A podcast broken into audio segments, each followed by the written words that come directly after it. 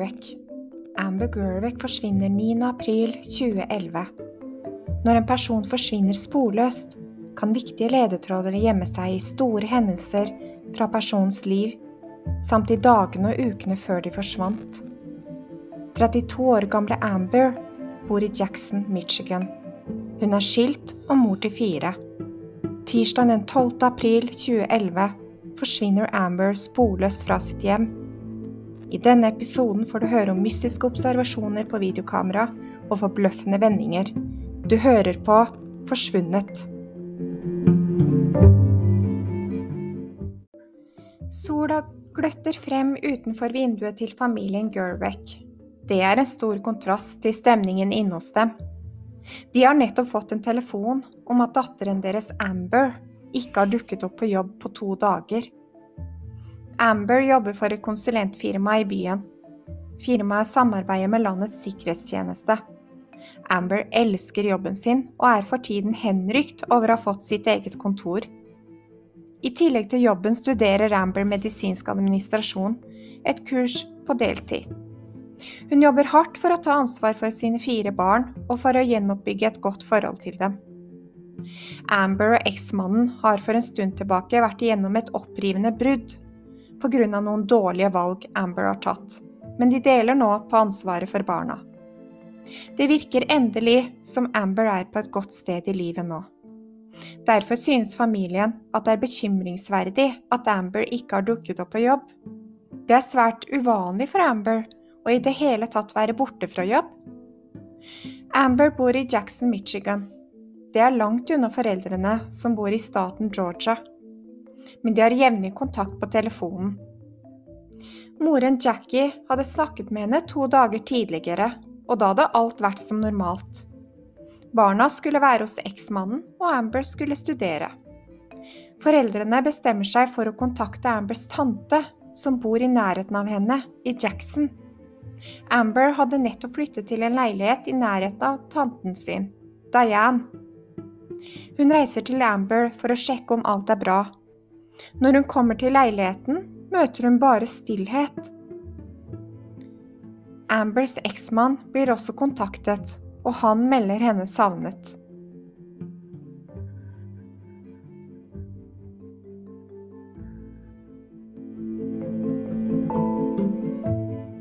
Det første politiet måtte gjøre, er selvfølgelig å komme seg inn i leiligheten for å se om Amber kan være der, og sjekke eventuelle ledetråder. Innen en time etter at hun er meldt savnet, har politiet kommet til leiligheten, og krimteknikerne sjekker den. Men det er ingen Amber der inne. Ved første øyekast ser ikke betjent Robert Schrock noe uvanlig. Det ser ikke ut som det har foregått noe kriminelt der. Det så heller ikke ut som Amber hadde pakket med seg klær. Alt tydet på at hun ikke skulle være borte lenge. Når de går inn på soverommet, så ligger mobiltelefonen, skolebøker og datamaskinen slengt på sengen. Det så ut som hun bare hadde stått opp gjort seg klar for å studere, for så bare dratt derfra. Vesken hennes ligger også slengt ved siden av inngangsdøren. Bilnøklene og lommeboken er heller ikke i den, og bilen står ikke utenfor leiligheten. Betjent synes dette er spesielt foruroligende at Amber ikke har tatt med seg mobiltelefonen sin, siden de fleste ikke bare forlater den. Han ser for seg noen scenarioer. Enten vil ikke Amber at noen skal få tak i henne, eller så har hun blitt bortført. Men hvem vil skade Amber Gervek? Politiet snakker med venner og bekjente, men ingen virker mistenkelige. Også eksmannen har alibi og ser ut til å ikke være involvert i forsvinningen. Foreldrene er sikre på at datteren ikke har forsvunnet frivillig. Hun ville aldri forlatt sine fire barn nå. Ambers jobb gjør at hun har tilgang til viktig regjeringsinformasjon. Derfor lurer politiet og foreldrene på om forsvinningen kan ha noe med det å gjøre. Visste Amber noe som kriminelle gjerne ville ha tak i? Det hadde gått to dager siden noen hadde snakket med Amber, så politiet hadde ingen tid å miste. De skriver henne inn i FBIs register. Systemet sier fra om Amber eller bilen hennes blir fanget opp av politiet. Foreldrene er hjelpeløse. Datteren deres er forsvunnet fra Jackson i Michigan, og de sitter i Georgia. Bare tre timer senere tar saken allerede en overraskende vending. Bilen til Amber er funnet. Den er forlatt i Georgia. Men hvorfor er bilen i Georgia, 95 mil unna hjemmet hennes? Den står utenfor en lavprisbutikk i en liten by som heter Tunnel Hill. Det som er veldig merkelig med dette, er ikke bare avstanden til Jackson hvor Amber bor, men også det at den blir funnet bare 56 km fra Ambers foreldre. Hvorfor hadde hun ikke kommet hjem? Bilen blir funnet langt fra hovedveien. Ifølge politiet i Tunnel Hill har bilen stått forlatt i to dager. Mange spørsmål dukker opp. Var det Amber som kjørte bilen? Har hun kanskje blitt tvunget til å kjøre dit? Eller har noen gjort Amber noe, stjålet bilen og så kjørt dit?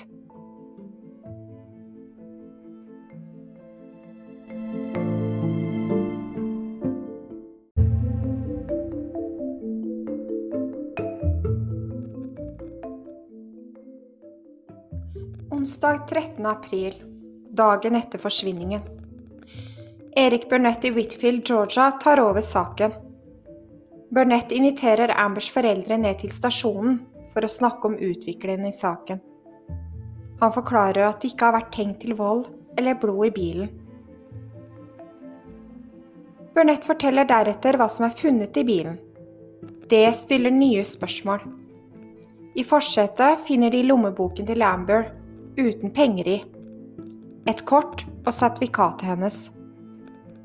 Politiet finner også nøklene hennes innelåst i bilen. Hvis Amber kjørte bilen, hvorfor etterlot hun sine viktigste eiendeler? Og hvis hun hadde blitt kidnappet, hvorfor ville kidnapperen ha tingene til Amber så synlig? Politiet er forvirret. Hadde Amber flyktet fra noen? Var hun skadet? Eller har hun villet forlatt sitt gamle liv for å begynne på nytt? Kanskje hun rett og slett ikke ville bli funnet? Noe er alvorlig galt. Foreldrene tror Amber lot eiendelene ligge der med vilje for å etterlate seg spor. Når politiet samler sammen alle tingene, finner de også en liten kvittering fra butikken ved parkeringen. Den som har kjørt bilen, må derfor ha vært inne i butikken. For å finne ut hvem som kjørte bilen, ser de på overvåkningskameraene i butikken. Dato og tid står på kvitteringen. Burnett ser på overvåkningsvideoen fra søndag 10. april 8.04, som var tiden som sto på kvitteringen. På videoen ser han en kvinne i blå genser blå jeans og tennissko. De får Ambers far til å se på videoen. Han kan bekrefte at det er datteren, Amber Gervek. Ingen vet hva som skjer med Amber etter at hun går ut av butikken, fordi det er ingen overvåkningskameraer utenfor. Bildene bringer frem flere spørsmål for familien. Når hun var så nære foreldrene, hvorfor kontaktet hun dem ikke? Søsteren bor også i nærheten. Hvor er Amber nå? Uten bankkort og telefon. På et tidspunkt ser Amber opp på kamera. Det er noe med blikket. Prøvde hun å fortelle dem noe? Helt uventet ringer det inn to personer til politistasjonen. De har nemlig oppsiktsvekkende nyheter. De kan fortelle, uavhengig av hverandre, at de har sett Amber i en liten by sør for Tunnel Hill, Calhoun. Hun hadde sittet i veikanten.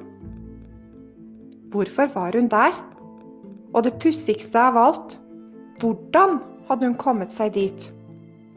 Foreldrene kaster seg i bilen på vei til Calhoun for å finne henne. De kjører forventningsfulle opp og ned alle gatene, men de må til slutt innse at Amber ikke er der.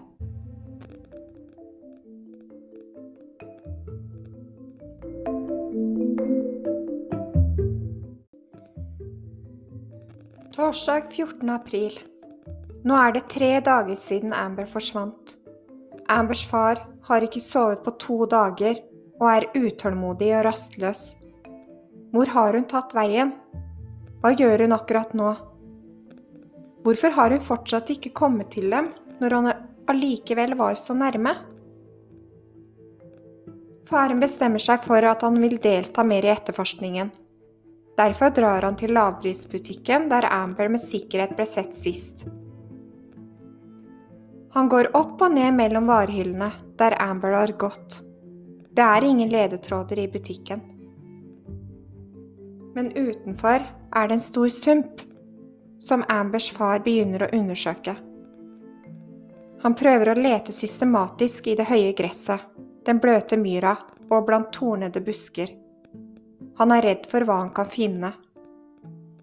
Etter lang tid med mange sår oppover beina må han til slutt gi opp.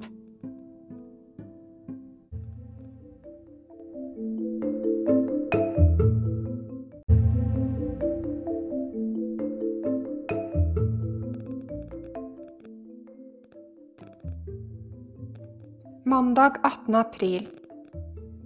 Politiet får hjelp av Georgia Bureau of Investigation en organisasjon for kriminalitetsbekjemping. De har mye mer ressurser, dessuten vet man at tid er helt avgjørende. De første dagene etter en forsvinning er de viktigste.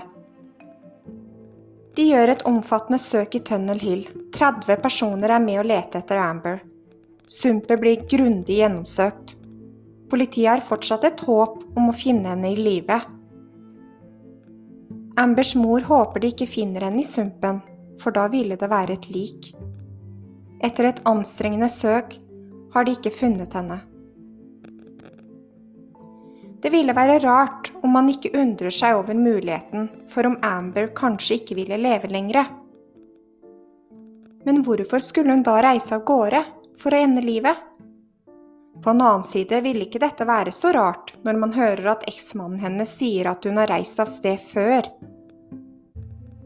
Like før skilsmissen var Amber utro mot han og reiste fra mann og barn. Derfor er ikke dette som har skjedd så forbausende for han. Amber angret og kom til rette den gangen. Uansett grunn, jo lengre tid det går, jo mindre sannsynlig blir det å finne henne i live. Foreldrene begynner å miste håpet. De hadde nemlig opplevd noe lignende før, med et annet familiemedlem. Morens bror hadde også forsvunnet noen år tidligere. Onkelen hadde gått seg vill på vei til en fest. Det var januar og kaldt ute. Han hadde sittet fast i snøen og var forsvunnet i to år, og døde av hypotermi. Dette var en tragedie for familien. Hvordan skulle de klare seg gjennom noe slikt igjen? Ambers foreldre bruker all sin tid på å lete etter henne. De har tiltro til politiet, men vil også gjøre noe selv.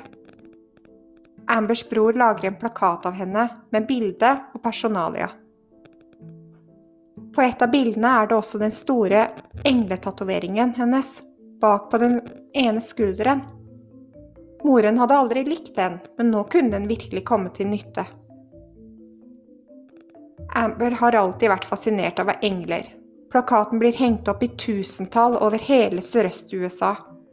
Denne informasjonen blir også spredd i sosiale medier.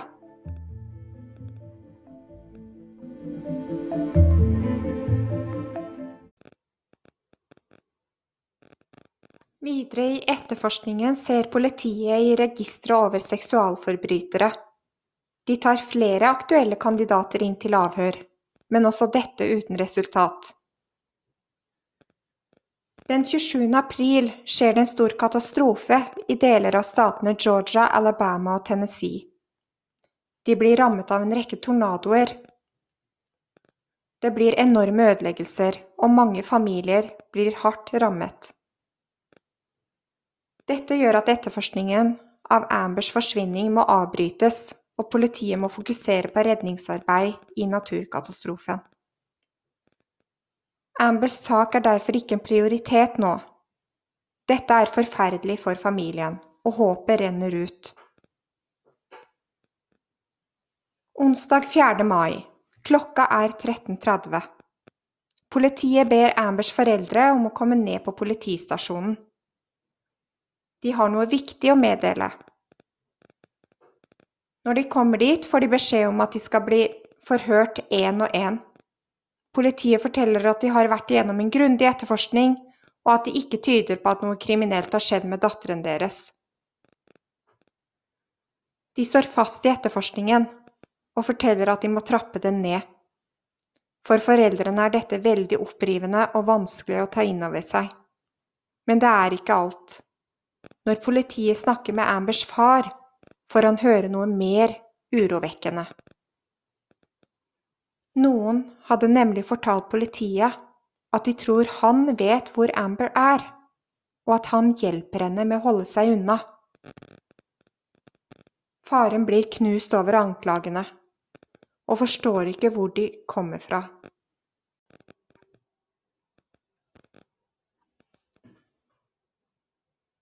Onsdag 4. mai. Klokka er 17.15.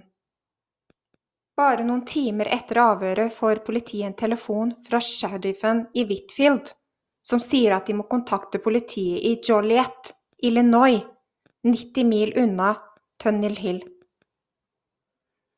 En betjent der vil prate med dem. Han kan fortelle noe svært uventet, noe som kanskje kan snu opp ned på hele saken. Betjenten forteller at en kvinne hadde kommet bort til ham. Hun fortalte at hun ikke visste hvor hun var, eller hvem hun er. Hun hadde vandret rundt i en park. Han sier at kvinnen ligner på Ambers signalement. Deretter sier han noe oppsiktsvekkende. Kvinnen har en stor tatovering av en engel på ryggen sin. Dette gir selvfølgelig familien et enormt håp. I Juliet har saken om den mystiske kvinnen blitt slått stort opp i mediene. En av innbyggerne hadde sett Facebook-siden om Amber og kunne dermed fortelle politiet at hun trodde at kvinnen het Amber Gerwick. Politiet sender et bilde av kvinnen, som nå er på sykehus, til foreldrene. De ser på bildet, og det er datteren deres. De er ekstatiske av lykke. Faren ser nærmere på bildet. Han vet at det er henne, men det er noe som ikke stemmer. Det er på en måte noe feil med ansiktet hennes. Blikket er fjernt og helt tomt. De kan på en måte ikke se Amber i ansiktet. Det er noe som er galt. Ambers foreldre reiser til Joliet for å treffe datteren. Når de kommer frem, får de vite at alt er i orden med datteren fysisk sett, men at hun har hukommelsestap.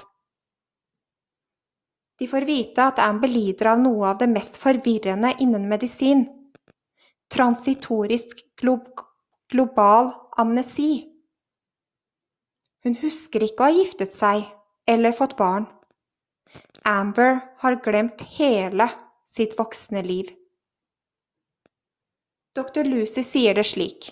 99,99 ,99 av alle leger går gjennom sin karriere og støter aldri på denne typen hukommelsestap.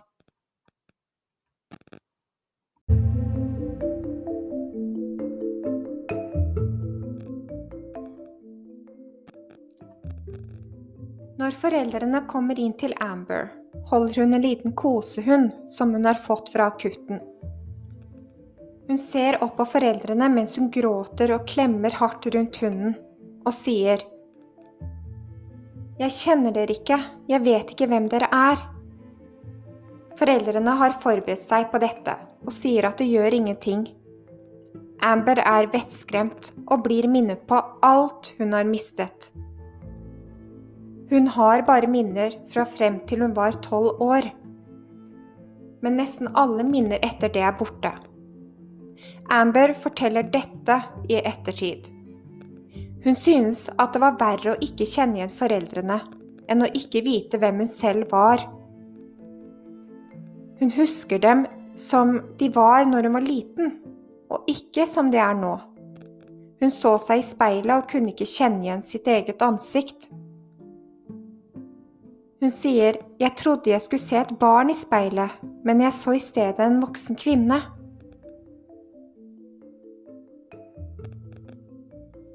Foreldrene bruker de neste dagene på å gå igjennom Ambers voksne liv sammen med henne. De forteller også hvor lenge hun har vært borte, og at hun elsker engler. Etter noen dager får Amber også møte barna sine. Hun møter dem først én og én, og så sammen. Dette var selvfølgelig vanskelig for Amber og barna, men det var jo også stor gjensynsglede. Spesielt Ambers eldste datter, Emily, er skeptisk til moren. Hun undrer seg over hva som egentlig har skjedd. Amber blir med foreldrene til Georgia og starter en lang og krevende prosess. Men det er mange spørsmål som er ubesvart. Hva skjedde kvelden Amber forsvant? Hvorfor dro hun av gårde? Amber husker sine siste timer av klarhet. Hun satt ved datamaskinen og studerte. Så tok hun seg en pause for å kjøpe seg en is på nærbutikken. Amber husker at hun gikk til bilen, og at hun hadde glemt mobilen. Hun hentet den ikke fordi hun hadde ikke tenkt å være borte lenge. Amber kjørte til butikken. Inne i butikken tar hun med seg noen varer, men de har ikke den isen som hun ville ha, så hun ville kjøre videre. Men etter dette er alt svart. Det neste hun husker, er sykehuset. Amber sier i dag at hun tror hun kjørte til Tunnel Hill for å kanskje besøke foreldrene eller søsteren. I de tre ukene Amber ikke husker noe av, mener legene at hun gikk inn i en tilstand som heter dissosiativ fuge state.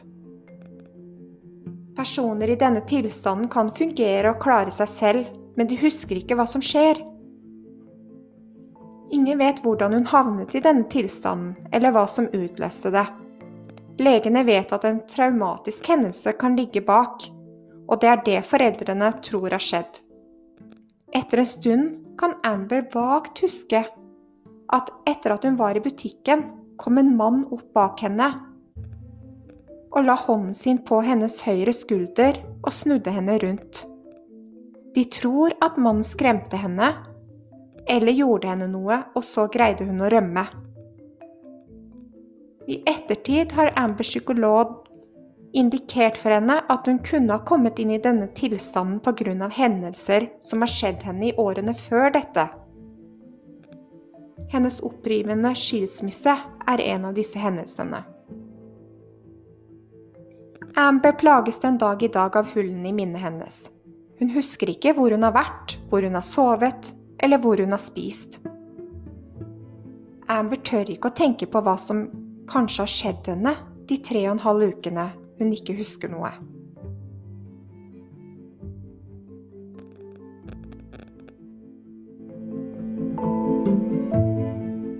Amber har en blogg der hun skriver om sine utfordringer og problemer rundt sitt hukommelsestap. På bloggen kommer det frem at hun har traumer og har det vanskelig psykisk etter denne hendelsen. Det er vanskelig å følge resonnementene i bloggen, men det ser ut til at hun snakker om seg selv i tredje person når hun snakker om sine mørke sider. Det virker som det er vanskelig for henne å komme i kontakt med den hun var før. Følelsene hennes går mye opp og ned, og i perioder får hun ikke sove på flere netter. Hun skriver mye om å miste kontroll, og noen ganger skader hun seg selv for å føle noe.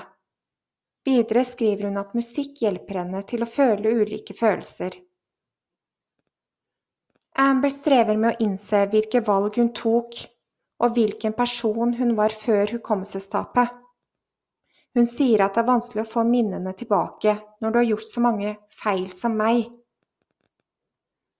Det hun bl.a. henviser til her, er at hun før skilsmissen hadde vært utro mot mannen sin og forlatt han og de fire barna sine. Hun fortalte mannen sin at hun tror hun gjorde det fordi hun ville ta livet av seg.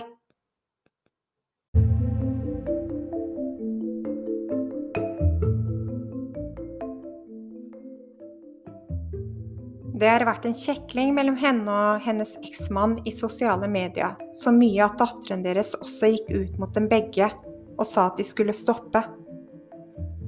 Ambers eksmann og datteren hennes, Emily, har vært blant dem som ikke har trodd på Ambers historie. De tror at hun forlot livet sitt for å glemme det og for å prøve å starte på nytt. På tross av dette har Amber et tilsynelatende godt forhold til barna sine. Hun har også et nært forhold til sine foreldre og søster. Amber sier at hun er evig takknemlig for at noen ikke mister håpet. Håpet om å finne sin kjære i live. Amber sier at hun må slutte å tenke på det som kunne eller kan ha skjedd da hun var forsvunnet, for å ikke miste forstanden. Og bare akseptere at de tre ukene av livet hennes for alltid er borte. Du har hørt på Forsvunnet. Takk.